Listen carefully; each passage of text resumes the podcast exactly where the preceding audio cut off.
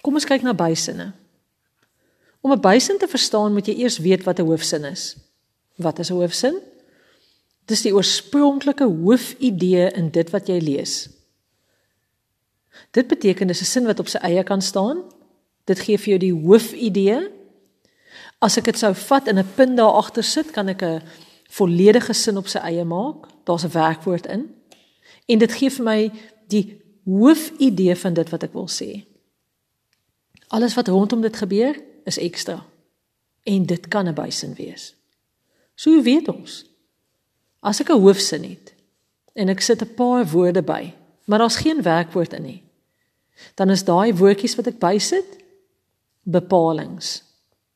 As ek 'n hoofsin het en ek sit woorde by en daar's 'n werkwoord in en ek kan nog 'n sinnetjie daarvan maak, dan is dit 'n bysin. 'n Sin is net 'n sin as daar 'n werkwoord in is.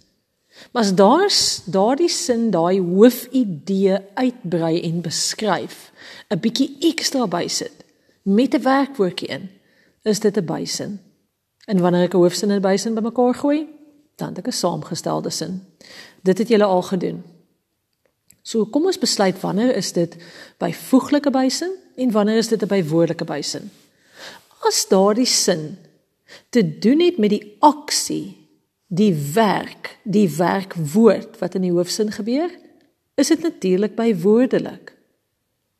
As daardie bysin iets te doen het met die ding die ding waarvan ek praat, die ding waarmee die aksie gebeur in die hoofsin, is dit natuurlik 'n byvoeglike bysin.